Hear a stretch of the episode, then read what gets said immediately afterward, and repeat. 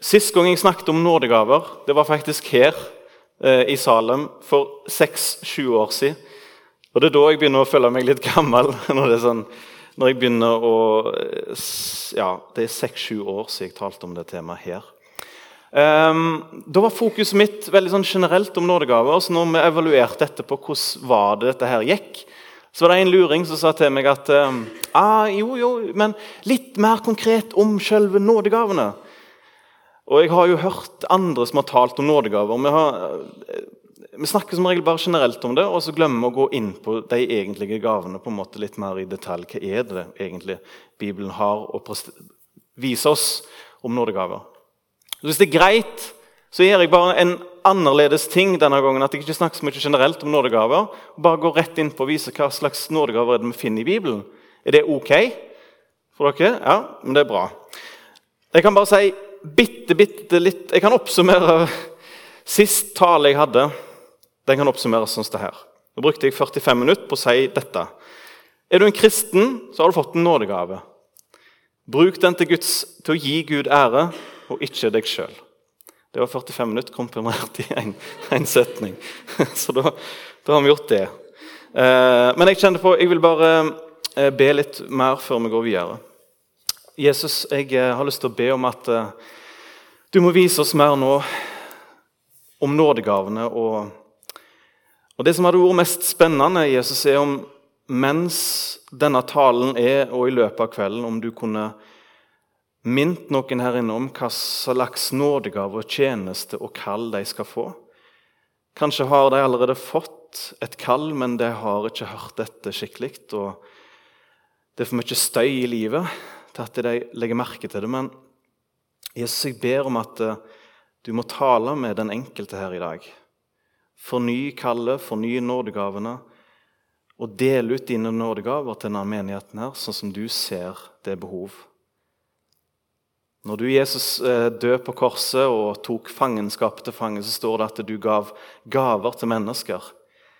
Og en del av din, det du gleda deg til, det var å gi oss nådegaver å dø på korset og frelse oss og gi oss nådegaver. Vis oss meninga med dem, og la oss få bli inspirert til å, til å våge å gå nye steg for deg, Herre. Amen. I 1. Korinterbrev 12,1 så skriver Paulus at han, han vil at de kristne som bor i Korint, skal vite om nådegavene. Så når Paulus skriver at eh, han vil de skal vite om det. Så det er ikke dumt at uh, her i Salem i kveld, 5. mai, så snakker vi om nådegavene. Jeg tror det behager Gud at vi børster støv av hva Gud har gitt oss. hva han har gitt oss for noe. Og Så finnes det veldig mange varianter innen samme nådegaveart. Så det er veldig viktig for meg når jeg går gjennom disse her nå, at dere vet at når vi snakker om hyrde, så er det mange forskjellige slags hyrder når Jakob Trodal var her som en hyrde for Salem, så var det en annen slags stil som fulgte med Kristoffer Inge. Sånn det er to vidt forskjellige, men allikevel de er fortsatt hyrden her i Salem, på en måte, men de gjør det på litt ulike måter. Men dypest sett samme ansvaret. Um, så egentlig Det viktigste her nå i forhold til nådegaver, det, det er ca. nevnt oppimot 20 nådegaver i Bibelen sånn sånn eksempelliste. på en måte. Jeg har med 18-19 gaver, faktisk. Men jeg vet vi har flere hvis vi regner sammen alt vi finner i Hvis vi leter litt i Bibelen, så finner vi kanskje oppimot 30. på en måte. Det skal vi komme tilbake igjen til. Um, men um, ikke prøv å kopiere hvordan Jakob gjorde ting. Ikke prøv å kopiere hvordan den forbederen er, eller hvordan den lovsangslederen er. Men du har fått ei gave, og så er det kjempeviktig at du er deg sjøl med den gaven. Det er Guds vilje at vi skal ikke imitere hverandre, men være originaler med den gaven som du har fått. Det er kjempeviktig. Så nå når jeg bare går gjennom den lista, det er variasjoner. Eh, det er ikke lett å oppdage sin egen gave.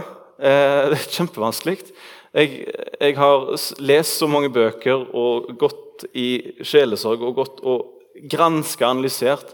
Jeg er fortsatt litt sånn Hva er det egentlig Gud vil bruke meg mest til i løpet av livet? Jeg kjenner på at Det er en evig oppdagelse, hvis du fatter. Jeg, jeg, jeg skriver ikke ned to streker under svaret at det der er det Gud vil ha meg inn forbi.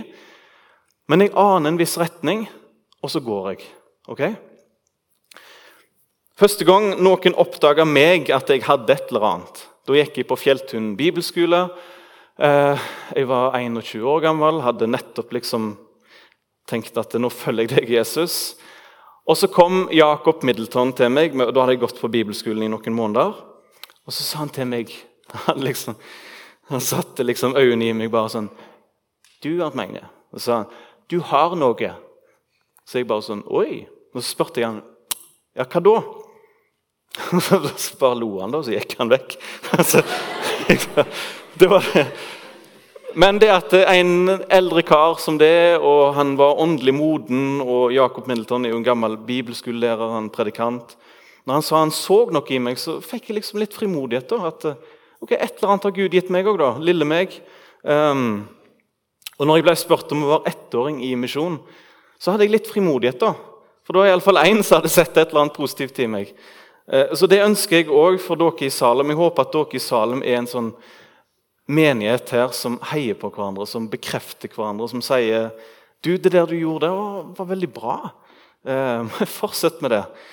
For det er sånn på en måte jeg tror nådegavene kan vokse. Sånn ble iallfall jeg oppdaga, og sånn fikk jeg frimodighet. Ok, tida er knapp. Vi må bare få dette her til å rulle. Eh, skal vi se ja, Det er der Nå sikter her. Skal vi bare begynne i en ende? Det er sånn jeg har gjort det litt. Det, det, denne jobben her jeg har vært frustrert av og til å prøve å Det er skrevet tjukke bøker om disse emnene her. Og skal jeg liksom prøve å komme med sånn Dette er en sånn nøtteskallgreie. sånn nådegaven i et nøtteskall. Men jeg gjør det på denne måten, her, så kan det være jeg gjør det på en annen måte en annen gang. Nummer én formane slash oppmuntre slash rettlede. Mulige oppgaver for en sånn en. Sjelesorg, forbønn, bekrefte andres nådegaver, integrere nye kristne. Farer. Hvorfor snakker jeg om farer? Det er for at eh, Har du den nådegaven eller kommer til å gå den veien, så ha det i bakhodet. Eh, Vær obs på det motsatte kjønn. Kjempeviktig. Og Bibels personer Barnabas, oppmuntringens sønn. Vi hadde ikke hatt Paulus i dag, apostelen Paulus hvis det ikke det var for Jo, jo, men i alle fall så var det det var Gud brukte Barnabas til å få Paulus inn i den kristne menigheten. Husk at Paulus forfulgte kristne. Og når Paulus plutselig en dag kom inn til Jerusalem-menigheten, så ble han fryst ut. Ganske sånn nedtur å komme til de kristne som bare Nei, deg har vi ikke tro til. Så gikk han ut, og så sprang Barnabas etter han. Og så tok han med seg inn i fellesskapet. Og Da var det en som hadde nådegave til å oppmuntre og, og klare å overbevise Paulus om at du, de, gi dem litt tid, så går dette bra. Kom igjen. Og Så oppmuntra han Paulus og dro han med inn i fellesskapet. Og Så ble Paulus godtatt som apostel eh, og bror, ikke minst. Jeg tror denne gaven her er superviktig. Eh, denne gaven her er det å oppdage hverandre. Det er liksom gaven, skrytegaven, se andre-gaven, sjelesorggaven. Eh, fokus én-til-én-gaven. Eh, og den som utfører denne tjenesten, er som bensin for andres gaver. Jeg vet at det er noen her inne som har den gaven. Og gjør, jeg vet at andre forkynnere har fått en skikkelig boost av at denne personen har tjent dem og gitt dem tilbakemelding. Det er en veldig viktig nådegave. Og det er en grei måte å gjøre det på. Ok, noen nikker. Er det, er det greit? Skjønner dere? Ja. Noen kommer jeg sikkert mer tilbake til. Neste gi. Gir god kollekt. Låne bort eiendom og ting til menigheten kan bli minnet om å gi til enkeltpersoner. Må ikke bli frista til å skryte av sin egen tjeneste eller sammenligne seg med andre. Og En bibelsk person som er forbilde på den gaven, Maria, søster til Martha. Det står at Maria salva Jesus på Jesus sine siste dager men olje av nardus hvert en årslønn. Det er som om du skal gi Jesus i dag en gave på en halv million ca. Give or take. Det er ganske spesielt. Martha hun var ei som varta. um, nå kan du huske det. Martha varta.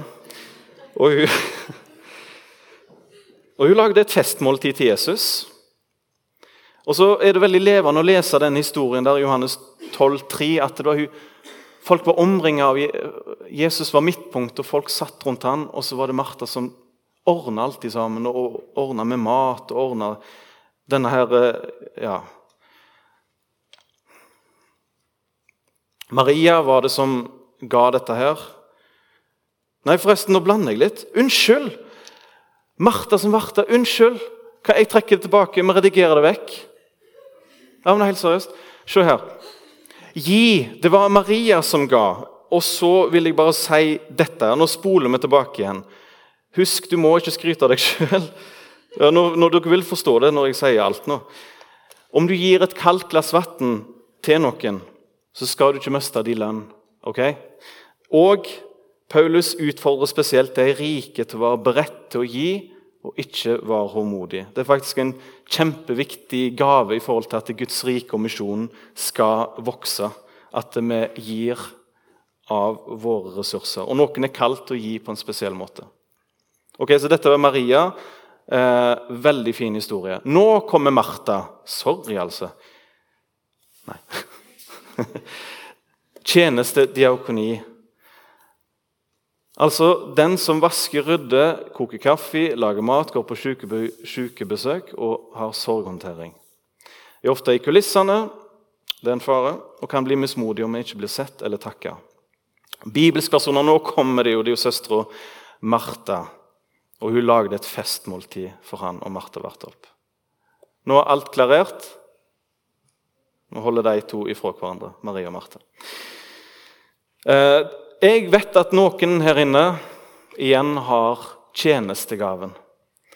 Og For meg så har det personlig vært trosstyrkende å se noen personer tjene i fem, seks, sju, åtte år i den samme tjenesten. Og stå på kjøkkenet og stå og telle kollekt og stå og lage kaffe og rydde og vaske.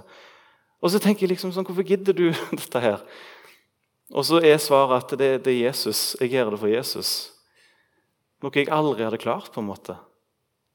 For meg er det trosstyrkende sånne som Martha, som tjener. Og tjeneste, diakoni, på en måte eh, Det er veldig fascinerende å lese skrift som ikke er blitt eh, skrift som er kanskje 150 år gamle, om den første menigheten. Diakoner, og de som hadde tjenestegave. Hvis det var noen som ikke kom på møte, sånn som i dag er det nattverd Hvis noen av Salomon-medlemmene som ikke fikk nattverd, så var det noen diakoner, noen tjenestefolk, som tok med seg nattverden hjem til dem og ga dem hvis de var syke eller ikke kunne komme. Det er en fin tjeneste, å tenke sånn om hverandre. Ok? Nå begynner jeg å få teke her. Eh, lederansvar. Ledere er det ofte mangelvare på. Formenn, regionleder, mellomleder, styreverv, møteledelse er mulige oppgaver for en leder. Må ikke bli håndmodig eller maktberusa. Det er en fare. Og Bibelske personer er Moses og Paulus. Og En gang så Moses han ledet hele Israels folk alene. Over 1 million, kanskje 1,6 million i, i ørkenen. Og så var det heldigvis Han hadde en klok svigerfar som kom bort til han og sa Moses, det er ikke bra for deg og det er ikke bra for deg. Du kan ikke tjene over en million mennesker. Ta ut i de minste 70 personer. Og så ble det flere ledere. Ehm, det er viktig å ta vare på lederen sin. Ikke bare komme til lederen når noe er galt, når noe ikke fungerer, men òg komme til lederen når lederen gjør noe bra. Og støtt lederen hvis det er en leder som sier at vi trenger fire-fem mennesker. Det er utrolig frustrerende å være en leder som har ansvar for et område, og så er det ingen som vil være med på en måte når en leder sier at jeg trenger hjelp til å gjøre sånn og sånn.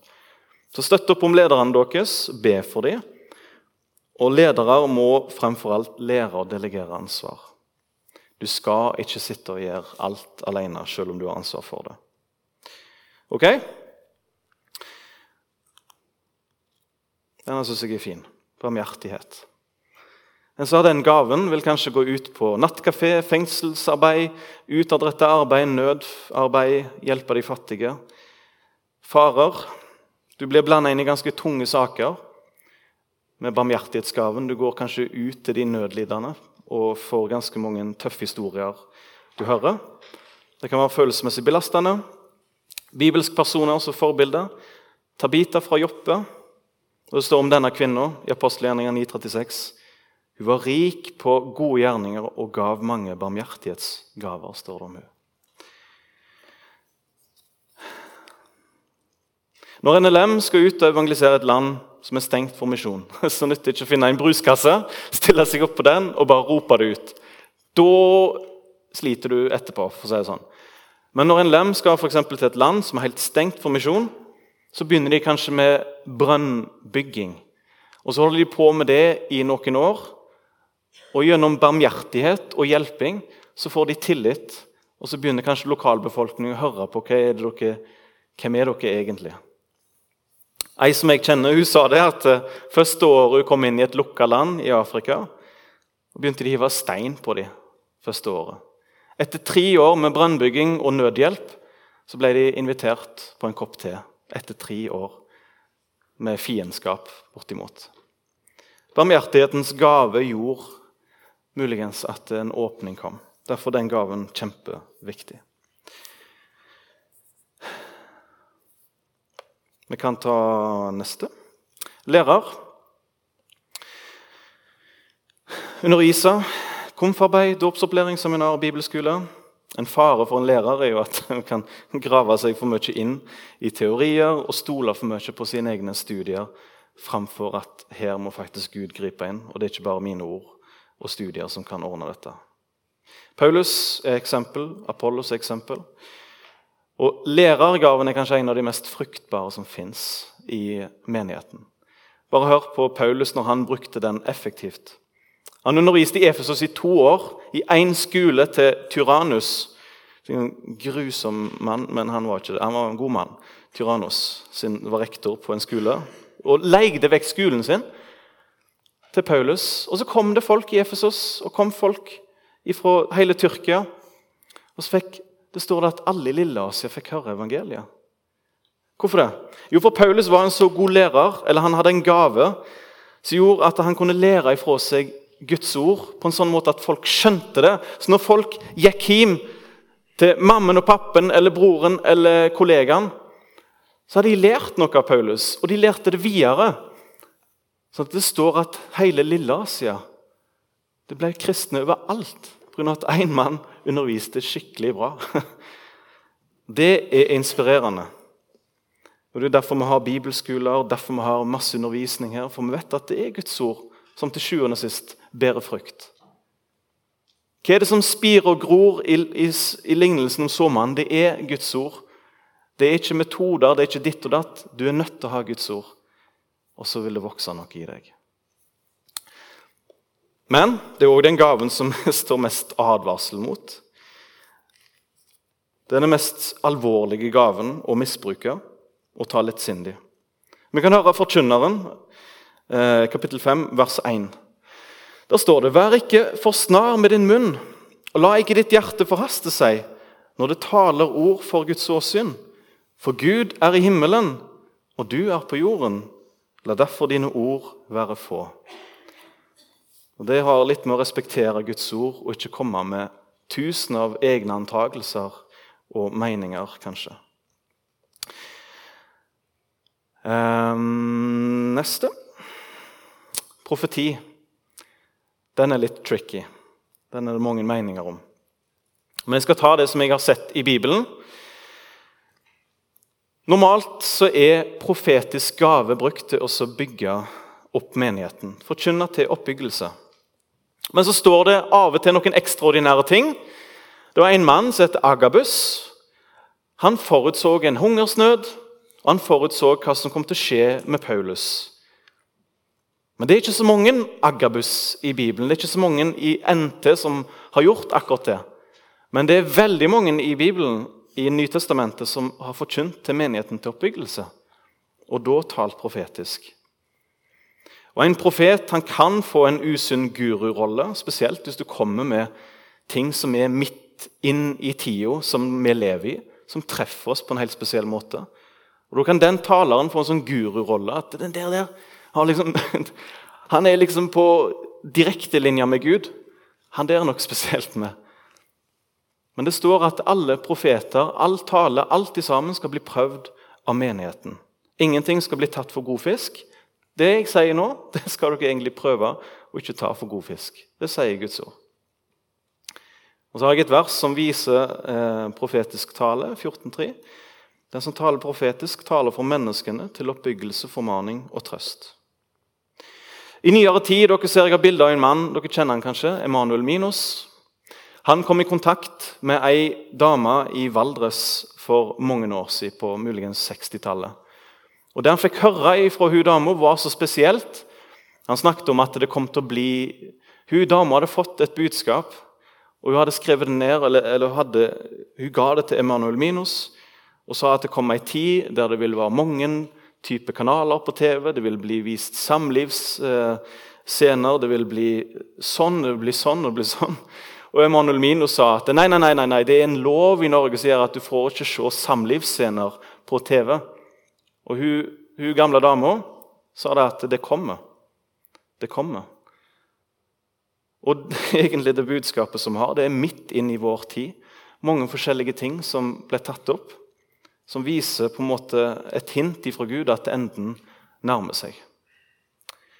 Så av og til når budskap blir prøvd, av og til når vi ser at dette her er på en måte i samtråd med Bibelen, og, i, og at det, det skjer, så kan vi lytte opp til det.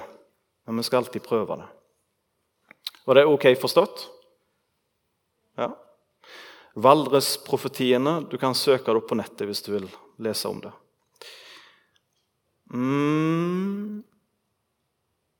Jo Er det en jærbu her inne? Er det det? Hvor er det jærbuer? Her er, et godt, her er det, Hvis vi sier at det, det profetiske ordet inn i en spesiell situasjon, det er ekstraordinært.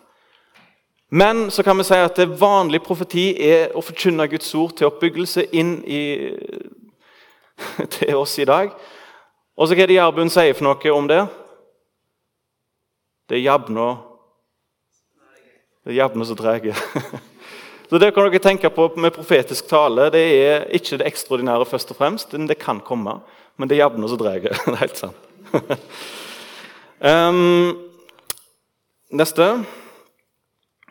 evangelist. Forkynne Guds ord, gateevangelisering, relasjonsarbeid, leir, emisjøren og utruste menigheten. Kan etterlate nyfrelste til seg sjøl og overser fellesskapet. Blir for mye celler, det kan være fare. Og Det største forbildet vi har, det er Philip. Og så har vi etiopisk hoffmann. Det kan dere lese i apostelgjerningene 8, hvordan Philip gikk fram der med han. Det som er med Evangelistene de skal ikke gjøre jobben for oss.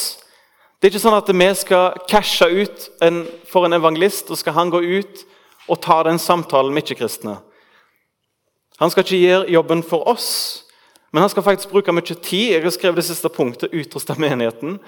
evangelisten skal faktisk oppfordre oss og utruste oss og oppmuntre oss til å gå ut og snakke med naboen, snakke med våre venner om Jesus. Eh, jeg, jeg tror dessverre her er en bekymring som jeg har. Jeg tror at vi har skvist vekk den litt uhøvla og direkte evangelisten. Hvor mange kjenner evangelister rundt omkring i dag som bare sier ting akkurat som det, og, og utfordrer oss og sier at nå må, vi, nå må ikke sitte her og dulle, nå må vi komme oss ut? Hvor mange hører de normalt rundt omkring? De er ikke så mange av de igjen. Og min lille påstand, min lille sånn bekymring, er at vi syns heller det er godt å høre at en dag så skal jeg hjem. Å, så godt. Det, vi vil høre taler om det. Men å sitte og høre at det, folkens, folk går fortapt Og ikke bare én gang i året, men hører om det nesten annenhver søndag av en evangelist Det å bli konfrontert med det, det vekker et ubehag hos oss. Det er faktisk mitt ansvar å fortelle videre. Derfor så tror jeg ikke alltid at vi setter fram evangelisten her på en gullstol og sier 'tal til oss nå'. Minn oss på oppdraget. Skjønner dere? Dette er kjempeviktig. Dette er helt sånn, Jeg tror faktisk at det Norge trenger, er evangelister. Søkk og kav med evangelister som bare Nei, dere får ikke sitte her. Dere skal ut. Dere skal ut og vinne mennesker for Jesus. Glem å ha seminarer om ditt og datt. Nå, nå, nå, nå kan, dere, dere, kjenner Jesus nå. Gå ut og fortell om Jesus. Ja, men Nei! Er dere med? Vi må be om at det skal komme flere evangelister som bare sparker oss av gårde. Og ikke får oss så veldig bekymra. Det ser litt løye hvis du leser i, i Dommerens bok. Så finner du faktisk eh, en ekstrem Den, den er utenfor manus, men du finner en, du finner en, en ekstremt sånn rar detalj. Um, en veldig rar detalj. Skal vi se um, Ja, det står iallfall at all, mange av stammene gikk ut i krig mot fienden. Men så var det én stamme som, som, satt igjen og holdt krigssamtaler. De holdt de satt og diskuterte på en måte situasjonen. Mens resten av stammene i Israel gikk til krig, så var det én stamme som satt igjen og betrakta og beskua og diskuterte hvordan skal vi gjøre dette. her. og Sånn tror jeg vi er kristne i dag. Vi sitter og snakker om det, men vi gjør ingenting med det. Ok, Da har det blitt sådd inn. Be om at evangelister skal komme. Og Hvis det kommer en fyr og, og utfordrer, så takk han etterpå. Om han sa det litt sånn skeivt og gjorde deg provosert, så bare ta vare på han. Eller hun. Videre. Sånn. Hurde. um, kan være forsamlingsleder, ungdomsleder, eldste råd, søndagsskolelærer, til og med bibelgruppeleder. Men den, den, hurden som er på en måte ansvarlig for menigheten, er, er på en måte hovedpoenget her med den nådegaven. Men det er mange smågjetere hvis du skjønner, som har ei bibelgruppe som de passer på, en ungdomsklubb som de passer på, så er de en smågjeter eh, der de er. En fare for en hurde. Det blåser veldig på toppen. Eh, helt når du har ansvaret, så står du der litt alene. Du kan bli motløs. Timoteus var en hyrde. Han måtte få en oppmuntring fra Paulus. Ikke vær motløs. Gud har ikke gitt oss motløshetens ånd, men krafts- og kjærlighets- og sindighets ånd. Og Bibelske personer er jo selvfølgelig Timoteus, da, eh, blant annet. Og en historie om dette i forhold til Peter. Så kalte Jesus Peter spesielt til å være hyrde. Og oppgavene var gi åndelig mat og lede og vokte flokken. Jeg vet det at Når satanister ber for ledere, i alle fall de historiene jeg har hørt om satanister i Norge, så ber de spesielt om at hyrden skal falle, og så ber de om at ekteskap skal rakne. Det er de to tingene som satanister spesielt ber om. Og Det gir meg et lite hint om at eh, hvis hyrdene iblant oss blir sløve og motløse, så går det ut over resten av flokken. Det er jo de som skal lede oss an og greier. Hvis de faller, så blir flokken òg spredt, uten lederskap. Så ta vare på hyrden din Be for han. Og vil du ha en god tale, vet du hva du skal gjøre da? Skal du be for taleren som i forkant. Be under møtet òg. Kjempebra. Neste styre. Administrasjon, økonomi, informasjonsarbeid, planlegge møter, komitéarbeid. En fare for en som har styregaven, er at de kan bli litt for sånn ja, men. Eh, litt for rasjonelle. En bibelsk person er Jetro, som lærte Moses hvordan han kunne organisere menigheten. Enhver kaptein på et skip trenger en god styrmann, en god administrator. Så Når kapteinen sier at vi skal til, vi skal til USA, så har vi en styrmann som evner å få til alt dette med seil og greier, sånn at det går faktisk den retningen. Så en administrator er gull verdt å ha en som er, har styregaven. Ok, um, En liten sånn timeout. Ser dere hvordan nådegavene harmoniserer med hverandre? Ser dere hvordan, hvordan balansen er? F.eks. ta evangelister, da, som jeg snakket om da. Det er så løye med evangelister, for når det er folk som har blitt frelst da, Enten når noen tar imot på Tryggheim eller et eller annet, så er det ikke sånn at de blir der bare åh, oh, nå er denne her blitt frelst, og jeg, jeg, jeg klarer ikke å reise fra. Nei, nei, nei, jeg må bli her, jeg nå. Nå er denne her blitt frelst. Jo, jeg har vært med på dette her. Kan ikke gå da. Vet du hva evangelisten sier? Ja, følg Jesus. Kjempebra. Dette her, eh, Hold fast på det du har fått, så skal du ikke miste krona di. Men vi snakkes. Så går de, da. Og så går de så sier jeg, ja, men du, skal ikke du ta litt ansvar her nå, du evangelist? Nei, jeg må videre, jeg. Det er flere. Det er flere jeg må vitne for.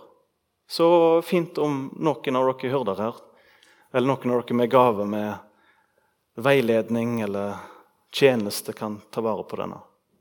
Det er det jeg synes er så kult, at evangelistene er evneveik på å følge opp nyfrelste. De gjør det for ei lita tid, men de går stadig vekk fra denne her som har blitt, blitt kristne. Hvorfor det? Svaret er egentlig kjempelett. Det skal være harmoni og avhengighet med de i, i menigheten. Hør nå, da. Tenk evangelisten og tenk på hyrden. Men nå har Gud gitt hvert enkelt lem sin plass på kroppen slik han ville det. Hvorfor? Jo, for hvis, hele, hvis det hele var en kroppsdel, hvor ble det av kroppen? Men nå er det mange kroppsdeler, men bare én kropp altså Jesus. Øyet kan ikke si til hånden 'Jeg trenger deg ikke', eller hodet til føttene 'Jeg har ikke bruk for dere'. Og Det er så kult med evangelisten, siden han er evneveik til å følge opp ja, Det høres jo veldig teit ut, når jeg sier så, men jeg bare setter det på spissen så du husker det. Evangelisten fatter ikke hvordan han skal følge opp en nyfrelst, fordi Gud vil at en annen skal gjøre det. Sånn at det kan være avhengighet. At vi er avhengige av hverandre. Det er det som er så kult med nådegavene. Vi er avhengige av hverandre. Vi trenger hverandre. Og faktisk Når vi oppdager dette, så begynner vi å verne hverandre og ta vare på hverandre. For du ser jeg trenger at du er her. på en måte. Uten deg så blir jeg svak. Jeg, det er derfor jeg gidder å snakke om nådegaver. For dette er bra. Dette er nyttig. Det, det, er mer, da. Dette skal jeg ikke ta sånn i dybden. Men resten av gavene går sånn som det her. Du har hjelpegave. Det sier noen er å assistere en leder. F.eks. Johannes Markus han ble tilkalt av Paulus. Paulus skrev til eh, Timoteus få Johannes Markus til å komme til meg, for jeg trenger han. Han er nyttig for meg i tjenesten.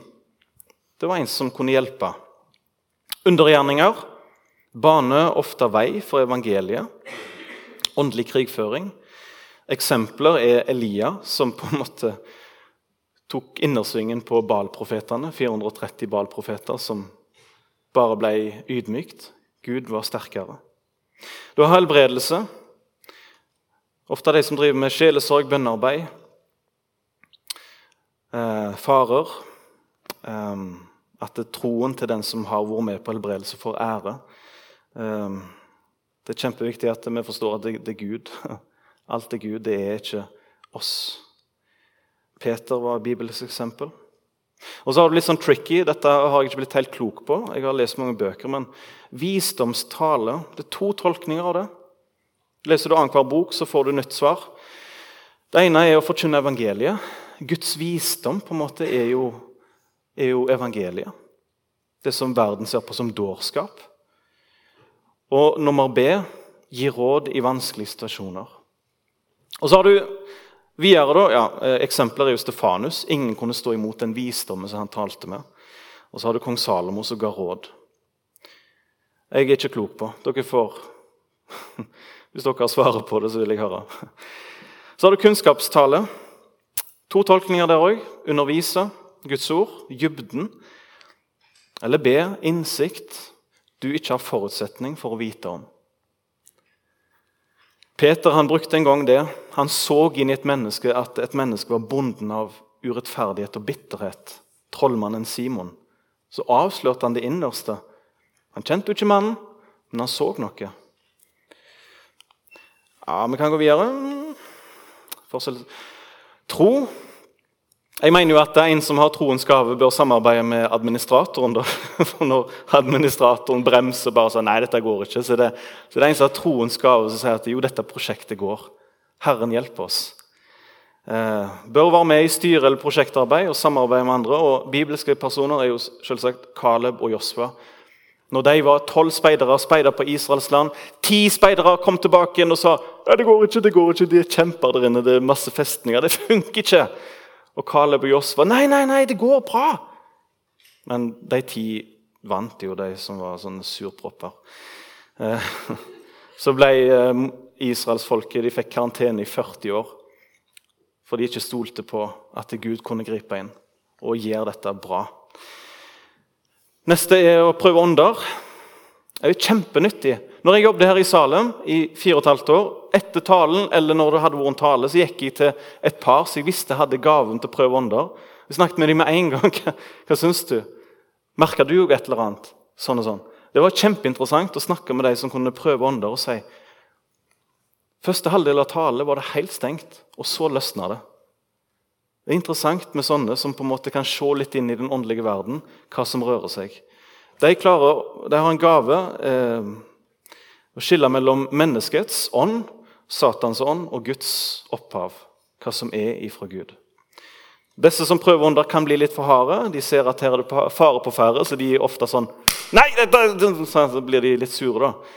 Men eh, ta vare på de òg som gir beskjed. Så har du tungetale. Tale budskap fra ånden til menigheten som vi ikke skjønner. Men de som har tydningens gave, de skjønner det.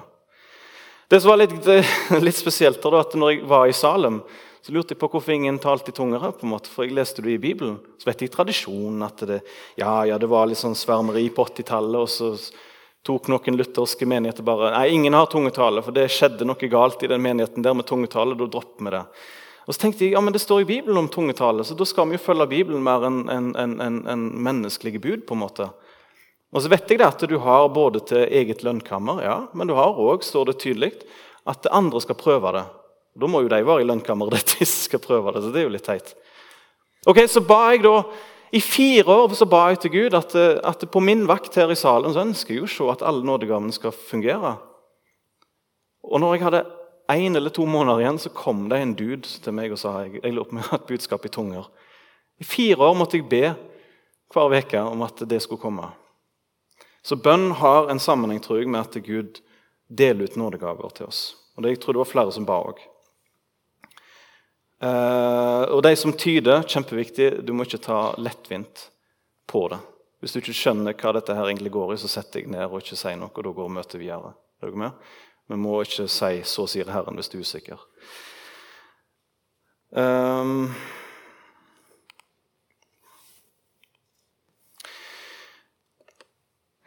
det, det, er ikke så bra sånn de som driver med grafisk design når de river seg i håret. Hva er det han holder på med? Men eh, det, de med bilder er på en måte de nådegavene jeg har gått litt mer detaljert gjennom med dere. Eh, og de helt nederst sånn, eh, der nede, det har jeg bare fort gått gjennom. Men bare ta vi, vi klarer det, vi klarer dette her. Ta, ta ett minutt til to minutter, snakk med Simon eller snakk med deg sjøl om Hvis du syns det er enklere om hva nådegaver du syns var interessante her nå for din del. OK, kjør.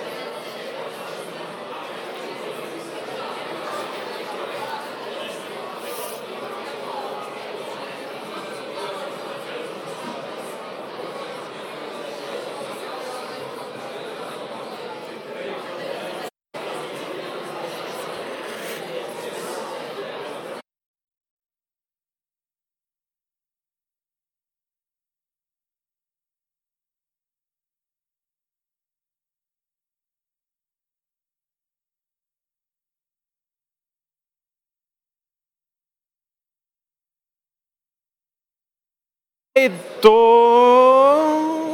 Ja, da har eh, ca. to minutter gått. Hvis noen tenker ah, at han avbryter noe midt i en god samtale, så skal jeg bare si til deg bare snakk etter møtet, da. Da, da er det problemet løst. Sånn? Jeg, jeg, glemte å si tre, fire, fem gaver som jeg ikke nevnte høyt. Eh, hvis du leser gjennom Gamle testamentet og, og, gjennom hele Bibelen, så kan du se at Gud ga i, til oppbyggelse av tempelet tabernakelet så ga noen en spesiell evne til kunst og håndverk, til å forstå seg på dette utsmykking-greiene. Så at Gud gir en spesiell evne, sier for meg at ok, kanskje er det en gave han kan gi oss i dag òg, hvis han gjorde det da. Sang og musikk. Eh, du skulle sett tempelet. Jeg, jeg, har ikke sett det, men forestill deg tempelet på, når, når, de styrte på. Eh, det var 200 sangere. De, de, de, de, gjorde det skikkelig, for å si det sånn. Og jeg tipper at det må være en eller annen lovsangsleder som hadde litt peiling på musikk, og muligens hadde Gud utrusta han til det òg. Eller hun, eller sånn.